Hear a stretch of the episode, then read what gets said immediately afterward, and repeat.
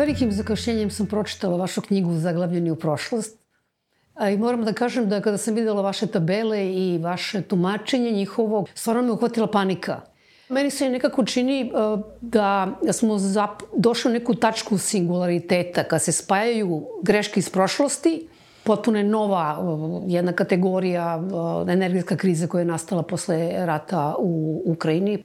A za očekivati je da će neke zemlje uspeti malo bolje da izađu jednog dana iz toga, ali ovde kao da nemamo ni znanja, kad kažem znanja mislim na znanje u političkoj eliti, tako da kažem, vladajućoj, ni novca, ni vremena. I vi ste jednog časa rekli, i to pre rata u Ukrajini, pre ovoga što je nastalo, da smo mi srednjoročno gledano, da je ovaj naš sistem energetski neodrživ. Kad kažete srednjoročni, na koliko to godina mislite? U narednih pet godina je svakako neodrživ, da.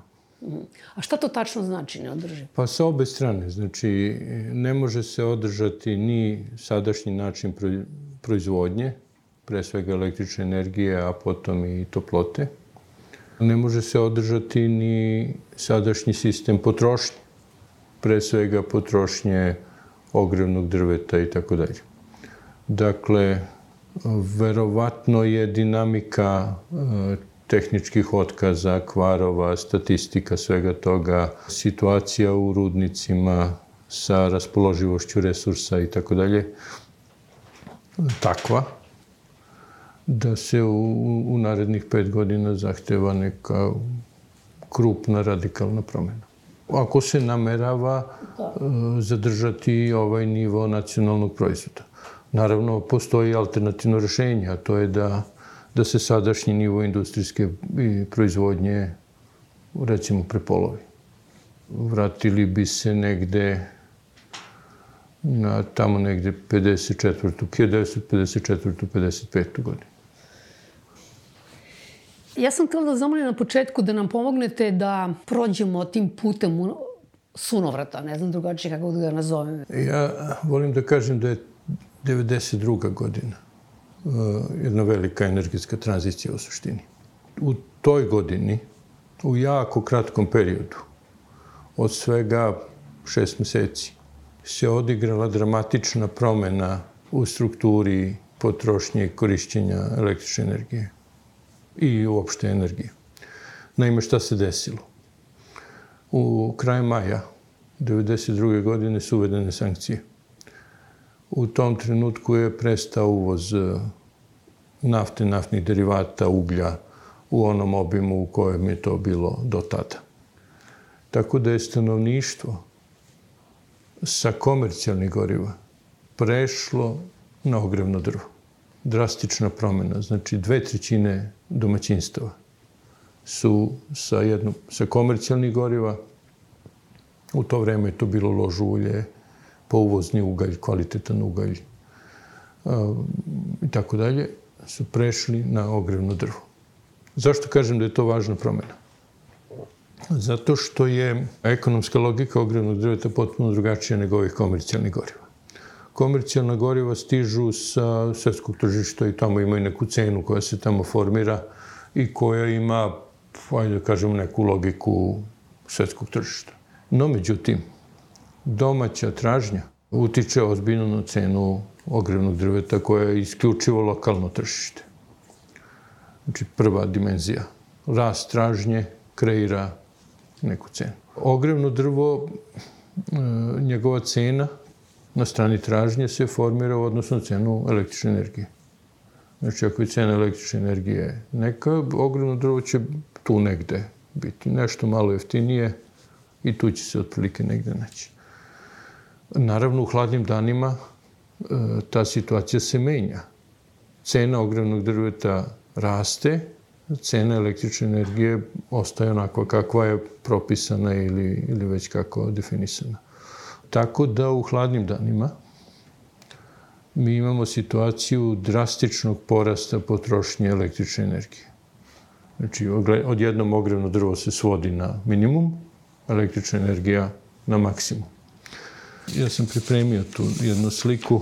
Na njoj se vidi, pogledajte ovde, ovaj drastičan rast gubitaka na električnoj mreži.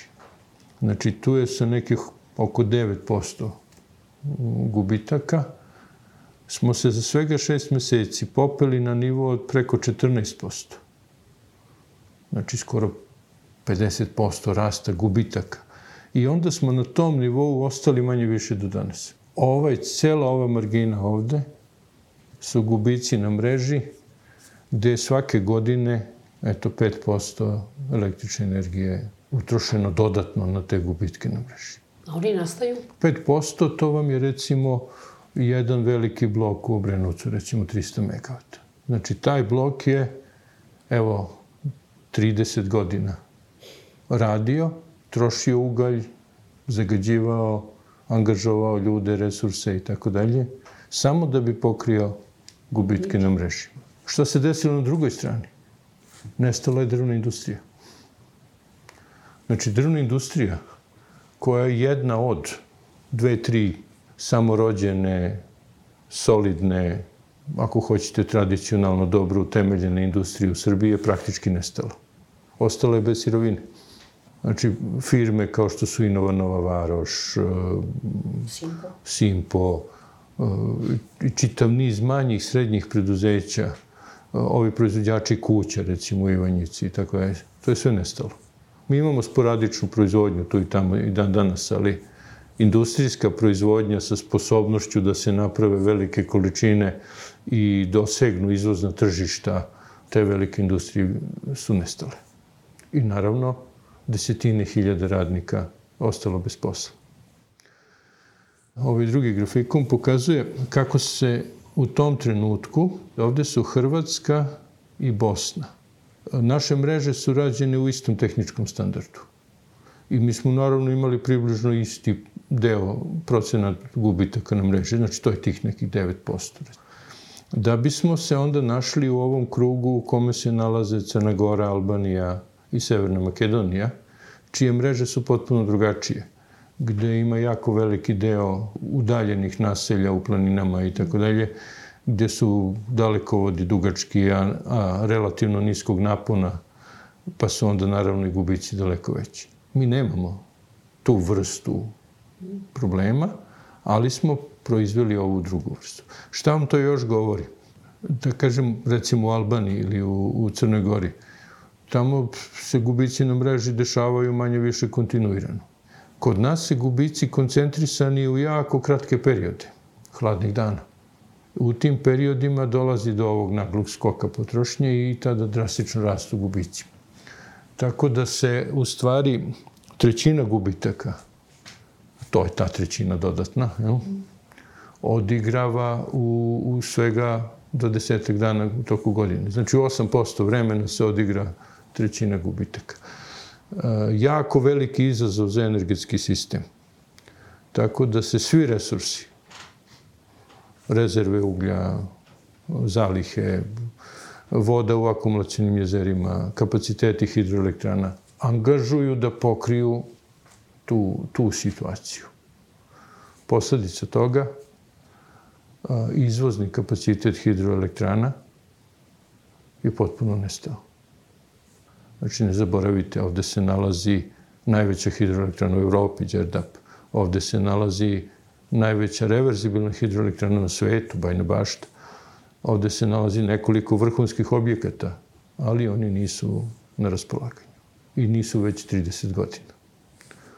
Tako da, ne samo da je izgubljen izvozni potencijal, ne samo da je izgubljena pozicija u arhitekturi energetske sigurnosti Evrope, nego izgubljena naravno i politička i svaka druga pozicija u odnosima sa Evropskom unijom.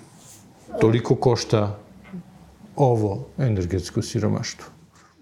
S uvođenjem sankcija nismo mogli da uvozimo taj visoko kvalitetni ugalj, prelazilo se na lignit, ali tako? I veoma veliki broj ljudi je zapravo, pošto je bila subvencionisana cena struje, koliko znam, prešao je da se greje na struju nije veliki broj ljudi prešao da se greje na električnu energiju, nego su svi prešli da koriste električnu energiju kad je hladno. Mm. Znači, vi imate ove koji se greju na ogrevno drvo, to je, kažem, skoro dve trećine domaćinstava.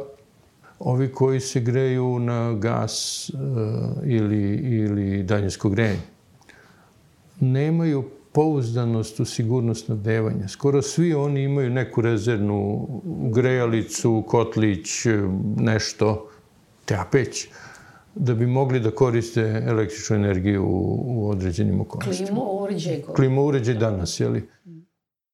Znači, to se promenilo. Znači, do kraja 90-ih nije bilo tako mnogo tih klima uređaja, danas ih ima ovaj, znatno više. U letnjoj situaciji klasična dogma je da, ljudi imaju klimu uređaje, pa eto, povećala se potrošnja energije. To, to nije, nije značajno. Prvo, klima uređaje u letnjoj situaciji troši jako malo. Mislim, daleko manje nego, recimo, kad se koristi za grejanje. Ali, e, desilo se nešto drugo u letnjoj situaciji ljudi koji, recimo, zimi e, kuvaju e, na ogrevno drvo, oni leti kuvaju na struju. Taj odnos, ogrevno drvo, električna energija, taj odnos je važna determinanta ove sistema. Naravno, ogrevno drvo je jako veliko i u energetskom bilansu, to je negde 16% energetskog bilansa. Kad pogledate da ovi obnovljivi izvori energije kojima se bavimo, evo sad da će to biti 15. godina, jel? Oni čine oko 2% bilansa, a ogrevno drvo 16. Ima to dramatičan uticaj i na stranu snabdevanja. Došlo je do gubitka šumskog pokrivača. U principu, teritorija pod šumom je ostala takva kakva je i bila, ali je kvalitet drastično promenjen. Znači, više nemamo veliku konzervaciju vode na teritoriji, kakvu smo imali, i da onda jednostavno padne kiša ili sneg, ili se topi sneg, on se velikom brzinom prevodi u, u bujicu i dotok voda. Dobar primer toga je bila poplava 2014. godine. Znači, ok, vremenske prilike su u tome učestvovale. Ali to nisu bile neuobičajne vremenske da, prilike. Da, milenijumske, što smo onda govorili. Ne, on, to su sve vremenske prilike na koje se računalo i, i, i infrastruktura je za njih bila pripremljena. Ali je infrastruktura pripremljena za određeni stepen konzervacije vode na teritoriji. Dakle, infrastruktura je građena u periodu 54. ajde da kažemo 85. ili 86. paralelno sa velikim nacionalnim programom pošumljavanja. Znači, došlo se i tada do jednog razumnog e, balansa između koliko treba platiti za, ne znam zašto, od poplava, brane i nasipe, a koliko i šta treba uraditi na strani, na strani pošumljavanja. I taj balans je dosta dobro održavan sve do 92. godine. Ono što je novost, dakle, naravno da, da ratovi uvek proizvode gubitak e, šuma. Nije to specifičnost naša, mislim, ta stvar je poznata.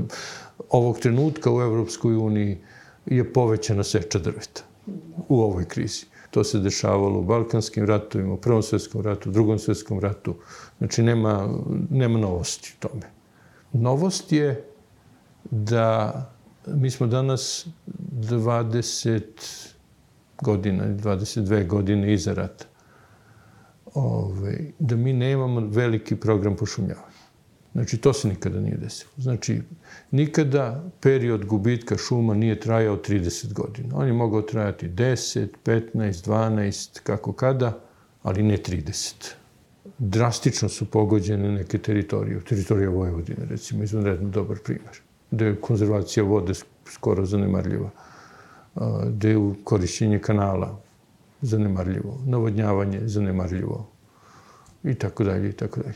To je druga strana iste ove slike sa korišćenjem ogrevnog drveta. Dosta i naše publike i ovako mi koji živimo u gradu, pa onda ne shvatamo dimenzije zapravo korišćenja ogrevnog drveta u Pa da, Srbiji. u ogrevnom drvetu je dve trećine domaćinstva, u daljinskom grejanju nešto, negde oko jedne četvrtine ili nešto malo manje. Šta se tu dešavalo sa, sa ugljem, jer mi, koliko sam videla u strukturi, recimo ljudi koji rade u EPS-u, praktično skoro ih ima 30.000, skoro više od polovine kopa taj ugalj, odnosno taj lignit. Pa vidite, kad kažemo da se stanovništvo greje na ogrevno drvo, ono se u suštini greje na čvrsta goriva. Najčešće ljudi gledaju da mešaju ogrevno drvo i, i ugalj u nekoj manjoj meri. Kad kažemo zagađenje vazduha, mi u stvari pričamo o tome, jeli? Znači, poređenja radi jedna velika elektrana uzmimo jedan blok u Obrenovcu, na primjer, količina čestica koje ta elektrana izbaci je približno jednaka u, u jednom satu. Ne? Približno jednaka onome što će izbaciti svega dvestotinak e, šporeta Smederevaca. Naravno, kad, kad pričamo o sumpor dioksidu i nekim drugim stvarima, situacija je obrnuta ili mnogo obrnuta, ali elektrana ipak ima obnovljene, uredne ove, elektrostatičke filtere za, za čestice.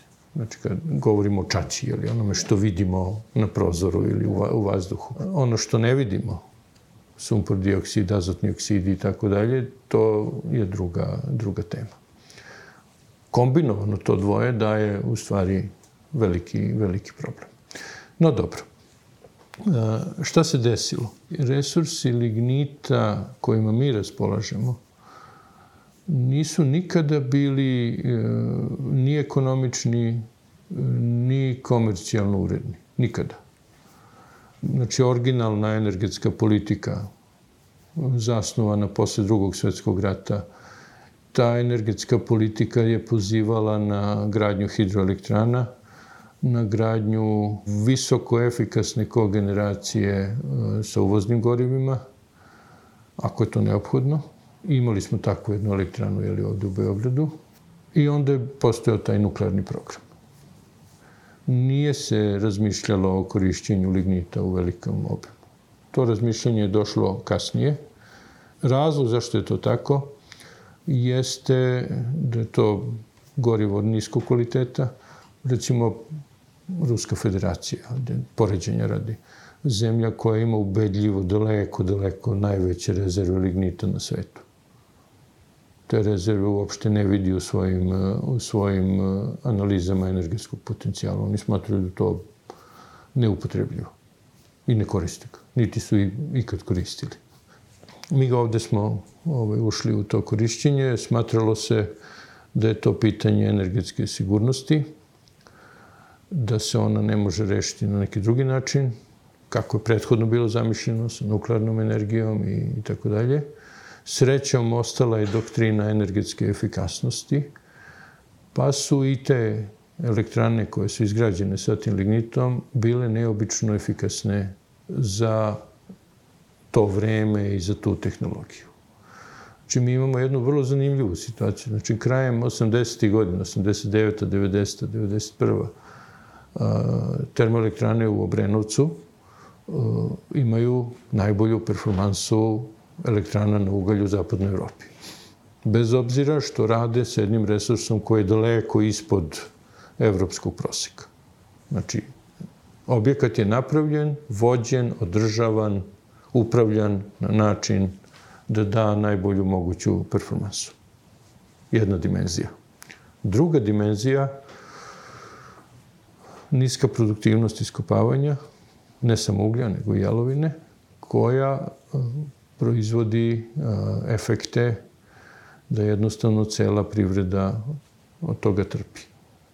Da, kažete 17.000 ljudi je angažovano u tom procesu, verovatno bi tu količinu uglja moglo da iskopa mnogo, mnogo manje ljudi, da sad ne pominjamo brojku, ali mnogo manje čak mnogo, mnogo manje nego što se inače misli kada se govori o restrukturiranju elektroprivrede, više puta manje. Ove, naravno sa drugačijom organizacijom, opremom i tako dalje i tako dalje. Pa ni tada to i dalje ne bi bila međunarodno konkurentna o, način proizvodnje energije. To je jedna dimenzija. Imamo još neke dimenzije. Način upotrebe resursa je organizovan tako valjda je tu bilo i nekih političkih e, razloga, da umesto da se, da se osmisli jedan višedecenijski proces održivog korišćenja resursa, gde bi se naravno počelo tamo gde je resurs najlošiji, pa onda kako mašinerija stari išlo ka sve boljem resursu. Mi smo napravili sistem da se počelo od najboljeg, pa išlo ka sve lošijem. Tako da smo danas u situaciji da imamo staru mašineriju i relativno lošiji resurs. E, ta kombinacija ovaj, nije dobra. Pored toga, uh, opet ovo gubitak šuma i ova, ova situacija je dovela da su prostori rudnika izlo, ozbiljno izloženi riziku poplava. Vi ste pomenuli tu našu knjigu, ovaj Stuck in the Past ili, ili Zaglavljeni u prošlost, kako je prevedeno. Uh, to vam kaže da je problem viđen. Sa ciljem da se stavi do znanja kakav je strukturni problem prisutan. I da jednostavno se informiše jedna nova energetska politika. E sad možemo malo pogledati te neke, neke podatke, recimo ovde na, na stranici 7, to je 90. godina, jel? Veliki pad potrošnje energije u industriji i vrlo nizak nivo koji je ostvaren 95. godine. Današnji nivo potrošnje energije u industriji nije ništa viši od najnižeg nivoa iz 95. godine. A taj nivo je više od dva puta, skoro dva i po puta manji od onog nivoa ostvarivanog 1990. Znači, mi dan danas u industriji trošimo e, malo energije. Znači, ta energetski intenzitet koji e, determiniše produktivnost i međunarodnu konkurentnost i dalje jako mali. Ovde je proizvodnja električne energije. Ovde je drastičan pad proizvodnje iz čvrstih goriva, iz uglja, jel? Pa je onda došlo do jednog poboljšanja u periodu posle 96. godine. Drastičan pad 98. 99. naravno rat. Da bi onda imali jedno poboljšanje, jedan trend koji ovde je 2004. I od tada do danas otprilike variacija oko toga sa ovim padom 2014. O čemu se u stvari radi? 96. smo imali e, prodaju akcija Telekoma, to je posle Dejtonskog ugovora, malo ublažavanje sankcija, taj novac je uložen u opremu rezervne delove u rudnicima i elektranama i to je proizvelo ovo ovde popešanje. Ono je bilo jako kratkoročno. I onda smo došli ovde u 98. 99. Ovaj pad nije posledica rata i bombardovanja, on se desio pre, on se desio 98. godine i on je posledica situacije sa održavanjem opreme, kvarovima i tako dalje. Onda od 99. imamo ovo poboljšanje. Poboljšanje je došlo kao posledica intervencije, donacija, međunarodne pomoći i jedne situacije gde, gde su jedine nacije, ja sam tamo radio, gde smo mi preduzeli aktivnost relativno smišljenu sa velikim angažovanjem znanja iz celog sveta, da sistem dovedemo na neki standard. I vidite da je taj standard manje više 2004. godine i ostvaren. To je moment kad je nastala ova knjiga sa ciljem da se ovo poboljšanje nastavi, ali da se nastavi drugim sredstvima. Da se shvati potreba za restrukturiranjem i dovođenjem jedne nove energetske, energetske politike. To je i moment kada je 2005. godine potpisan ovaj ugovor o energetskoj zajednici. Knjiga, Stuck in the Past, je bila osnov, jedan od tri ključna dokumenta u momentu potpisivanja ugovora. Tadašnji predsednik Evropske komisije Barozo je citirao prilikom potpisivanja tu knjigu kao razlog, kao svrhu da se taj ugovor uopšte pravi.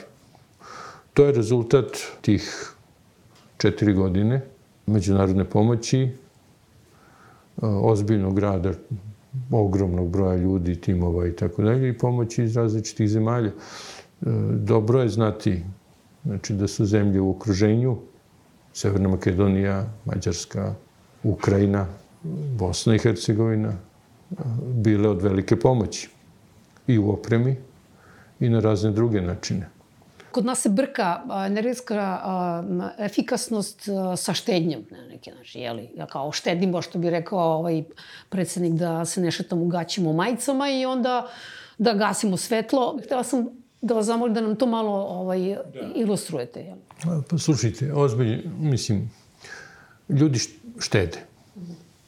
Štede na način koji bismo mogli reći da je bizaran. Znači, kada dolaze hladni dani, ljudi prosto greju manje prostora. Dolazimo u situaciju da ne mali deo, znači imamo dobru četvrtinu porodica koje prosto greju jednu prostoriju. To samo po sebi ne valja ništa. Znači, znači imate porodice koje imaju više članova i koje su prisiljene da to neko vreme provode u jednoj prostoriji. To nije dobro ni sa stanovište širenja epidemija i tako dalje. To smo videli u periodu koronavirusa. Kada govorimo o redukciji grejanog prostora, skoro pa prva prostorija čije grejanje prestaje je u stvari e, kupatilo. Pa onda dolazimo opet u situaciju e, toplo-hladno. U Srbiji postoji nešto što je u teoriji poznato, takozvana zimska smrtnost. Naime, nema nikakve dileme da je e, u svakoj populaciji smrtnost tokom zime veća nego tokom leta. Međutim, ne toliko veća. Jedan od najvećih uzroka smrtnosti su kardiovaskularne bolesti, koje su direktna posledica. Znači, vi možete da imate nekoga čija pluća su narušena, koji ima kardiovaskularni problem i tako dalje, ali to ne znači da će on neposredno umreti, sem ako ga izložite situaciji toplo-hladno. Znači, topla prostorija, pa odlazak u hladnu. Dan u grejanoj prostoriji, noć u negrejanoj sobi. Znači, tu imamo čitav niz, čitav spektar unakrsnih uticaja koji tu porodicu čine energetski siromašnom i jako, jako osetljivom na eksterne šokove. Znači, kad dođe do toga da kao što se sad desilo ovog e, leta, da ogrevno drvo postane vrlo, vrlo skupo. Kad dođe do toga da ne može da ga nabavi iz nekog razloga. Recimo, staračka domaćinstvo, on ima vrlo ozbiljan problem da, da prosto fizički dobavi i seče i tako dalje, da to sve, da to sve priradi za upotrebu. Naravno, svi ti problemi dođu do toga da, e, kažemo, cena električne energije je važna socijalna determinanta. Jeste. Ali zahvaljujući ovim drugim razlozima, daleko bi bolje bilo kada bi upotreba ogrevnog drveta bila efikasnija. Pa ljudima uopšte ne bi trebalo da se dogrevaju električnom energijom. Ja sam radio nekoliko studija u raznim gradovima, da sad opet ne imenujemo Ove, ali u principu se ponavlja jedna te ista okolnost. Imate deo grada, najčešće centralni deo, koji je pokriven daljinskim grejanjem. Imate prigradska naselja e, gde se koristi ogrevno drvo. Kad vidite kolika je to količina ogrevnog drveta, vi vidite da je ta količina dovoljna da se tom gradu obezbedi i daljinsko grejanje za ceo grad i električna energija za svu industriju koja se tu nalazi i da uopšte nije potrebno nikako drugo uvozno gorivo. Tolika je neefikasnost korišćenja, korišćenja ogrevnog drveta. Znači, to važi za skoro sve gradove u Srbiji u tom delu.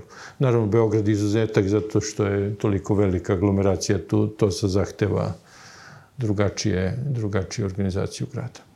Kada je u pitanju efikasnost korišćenja energije u industriju proizvodnje, ako sam ja dobro razumela, ako bi se to gledalo po utrošak energije po jedinici bruto domaćeg proizvoda, to su prilično katastrofalni zapravo pokazatelji te efikasnosti i dosta slikoviti, je li? Da.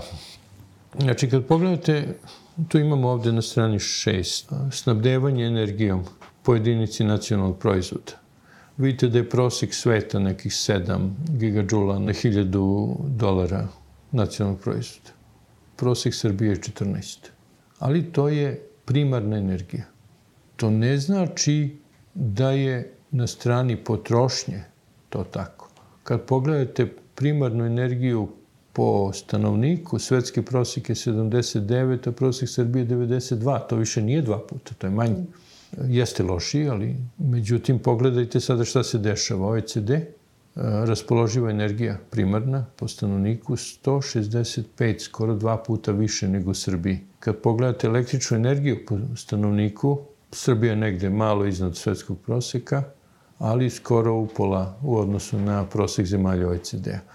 Drugim rečima, nama električne energije za našu industriju, imajući u vidu da od ove energije stanovništvo potroši 60%, za industriju ostaje jako malo. I ta industrija ima manje energije nego, po stanovniku nego što je i svetski prosek i prosek OECD-a. I sada sa tom količinom energije industrija treba da postane međunarodno konkurentna. Sve u svemu, problem efikasnog korišćenja energije nije tu, nije u industriji. On je pre svega u konverziji između primarne energije i korisne energije. To će reći u proizvodnji toplote u toplanama, iz gasa u toplotu, u proizvodnji električne energije iz uglja, iz uglja u električnu energiju. Znači, ta konverzija i konačno u konverziji između ogrevnog drveta ili uglja u toplotu u ovim domaćinstvima koje se tako greju. Ta tačka, ti koeficijenti konverzije su jako loši. Daleko ispod eh, onoga što današnja tehnologija može da omogući. Radi se o tome kakva je energetska politika, kakve su investicione sposobnosti, kako se oprema održava, šta se za, za koju svrhu koristi. Recimo, vi možete da očekujete da recimo domaćinstvo ima, ne znam, smederevac za kuvanje i recimo kaljevu peć za grejanje. Ali ako koristite smederevac i za grejanje, onda imate nižu energetsku efikasnost. Znači, radi se, mi imamo ogroman, ja bih rekao, deficit e, znanja u populaciji, a to je pitanje energetske politike recimo Velika Britanija imala vrlo, vrlo uspešan program otklanjanja energetskog siromaštva koji se zvao Effective Advice. I sastojao se u vrlo jednostavnoj stvari, da se dođe u domaćinstvo i da se domaćinstvo poduči kako da bolje koristi ovo što ima u tom trenutku ili kako da nešto promeni, modernizuje i tako dalje. Vrlo efikasan program dao jako dobar rezultat sa jako malim ulaganjem.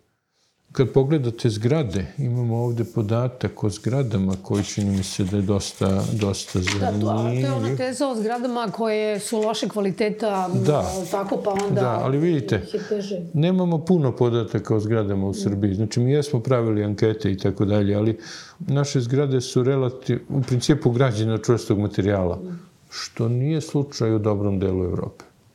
Evo, podaci e, udruženja toplana su jako dobri. Oni se vide ovde na ovoj slici broj 3. U svim toplanama, to je četvrtina domaćinstava, 127 kWh po kvadratnom metru godišnje. To vam je evropski prosek. Kako je napravljeno to? I koliko je gasa, uglja i tako dalje potrošeno za ovu svrhu? To je drugo pitanje. Ali same zgrade ne. Nikad ne postavljamo pitanje ili redko postavljamo pitanje cene, da jednostavno koristimo suviše svih mogućih resursa, a da je rezultat nesrazmerno mali. Energetska efikasnost generalno je jako delikatna kategorija. Ona zahteva iskustvo i znanje. Mi imamo ovaj, udruženje za klimatizaciju, grejanje i hlađenje. Sada to udruženje je eh, sa velikom tradicijom To je jedno od prva tri svetska udruženja iz 1868. godine. Ima ozbiljnu veliku akumulaciju znanja, nije veliko, ali kada vidite šta se tamo dešava, vidite da se ti ljudi bave vrhunskim tehnologijama i vidite da u velikom broju slučajeva rade na inostranim tržištima.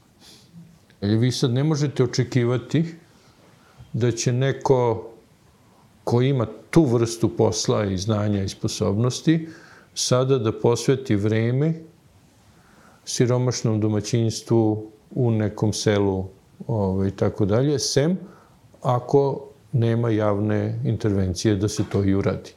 Ta javna intervencija je jako dobra, jako dobro došla. Znači, ona drastično menja e, celu ekonomiju zemlje. Znači, ne samo da menja ono što smo pričali na početku u smislu bolje korišćenja raspoložive uh, elektroenergetske infrastrukture. Ne samo da vraća Srbiju na evropsko tržište sa, sa hidroenergijom i tako dalje, nego ta intervencija i smanjuje troškove tog domaćinstva, smanjuje e, pitanje bolesti, epidemija i tako dalje i uvećava lokalnu potrošnju stanovništva. A lokalna potrošnja stanovništva je jedan jako važan aspekt ekonomskog razvoja, rasta nacionalnog proizvoda i lokalne zaposlenosti. Znate, siromašni neće, neće otići da kupe uvozni Mercedes, jeli? ali će otići da kod lokalnog lekara da poboljšaju zdravlje, ali će se bolje hraniti, ali će se bolje odevati, ali će obrazovati decu na bolji način i tako dalje i tako dalje. Znači koristit će lokalno dobra i usluge u većoj meri, a to je važno. Kada govorimo o siromaštvu u Srbiji i korišćenju energije, šta biste vi nama, čime biste nam ilustrovali taj spoj? Kad uzmemo sad jedan grad i kažemo, ok, ajmo sad e, da ovu količinu ogrevnog drveta koja se u tom gradu koristi, ajmo sad upotrebiti to da obavimo grejanje celog grada i da proizvedemo električnu energiju za industriju u tom gradu. Od drveta tog? Od, tog ist, od te iste količine. Šta smo dobili? Prvo dobili smo okolnost da ta domaćinstva troše manje za energiju, i automatski mogu da troše više za lokalne robe i usluge. Odlično, znači malo je lokalna zaposlenost porasla. Sledeći korak. To što je plaćeno za to drvo nije otišlo za uvozno gorivo. Ne, otišlo je za ogrevno drvo u neposrednoj okolini tog grada. Znači, vi kad pogledate sad takav grad, koji je sada eh, ona četvrtina stanovništva koja je, da kažem, u boljoj ekonomskoj poziciji. Kada plati grejanje, taj novac je otišao izvan tog grada. Oni koji su u ekonomskom problemu, oni sa teškom mukom plaćaju i ogrevno drvo i ugalj i tako dalje. Imamo lokalno zagađenje, imamo nepredvidivost, pa svi oni zajedno se ustežu od nekih investicija, recimo u bolje uređaje za grejanje, u toplotnu pumpu, u, ne znam, energetsku efikasnost i tako dalje. Imamo paradoks, recimo, po podacima Narodne banke Srbije, nije mala štednja stanovništva u, u devizama, u evrima. Ona je preko 12 milijardi evra. Jako mali deo te štednje, ispod 1%, je na duge rokove, oročen na duge rokove. Jako je mala kamata svaka investicija koju možete da zamislite u domaćinstvima, od, ne znam, energetske efikasnosti, boljih uređaja za grejanje, toplotne pumpe, solarnih panela. Znači, prosto šta god izaberete od ovoga, daje veći prinos na investiciju nego štednje u baci. A investicija nema. To kaže da sa javnom politikom nešto nije u redu da postoji nesigurnost i neki razlog da ljudi nisu spremni ovaj, da, da investiraju. Očigledno je da, s obzirom na, na, na sve, da ne možemo da očekujemo o, da će i EPS bolje poslovati, pogotovo ne ni ove godine, pa ni one tamo godine. Na šta možemo da se oslonimo uopšte? Prvo moramo biti svesni uh, ovog zatečenog stanja u ovom, uh, da je uh, EPS velika, organizovana industrija. Možemo da mislimo da ima previše radnika, možemo da mislimo da je da bi mogao, mogao biti bolje upravljan ili šta god o tome mislili, ali to je organizovani industrijski sistem. Jako je važno da se taj sistem svrsishodno upotrebi. Znači, to je onako jedno... Nema alternative. Nema mnogo alternativa, da. Može li se taj sistem bolje upotrebiti? Da, naravno može, kudi kamo. Evropska unija sama za sebe nije idealna energetska politika, da najblaže kažemo. Znači, vi na početku ste rekli rat u Ukrajini. Ok, rat u Ukrajini. Ali je e, problem energetske politike Evropske unije prisutan unazad da. 15 godina. Ne bi bilo loše kada bi u formulaciji i razvoju nekakve energetske politike Evrope učestvovala i Srbija na jedan adekvatni, aktivni, inovativni način. Sa svojom hidroenergijom, sa svojim drugim izvorima obnovljive energije, geotermalnom, biomasom, sa svojim transportnim putevima i, i tako dalje i tako dalje.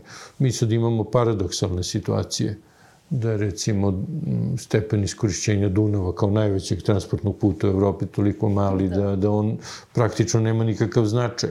Grad Beograd, koji je najveća luka na unutrašnjim vodnim putevima u Evropi, njegov tranzit robe kroz je toliko mali da, ga, da je ispod statističke greške u poslednjim izveštajima o, o unutrašnjim vodnim putevima Evrope.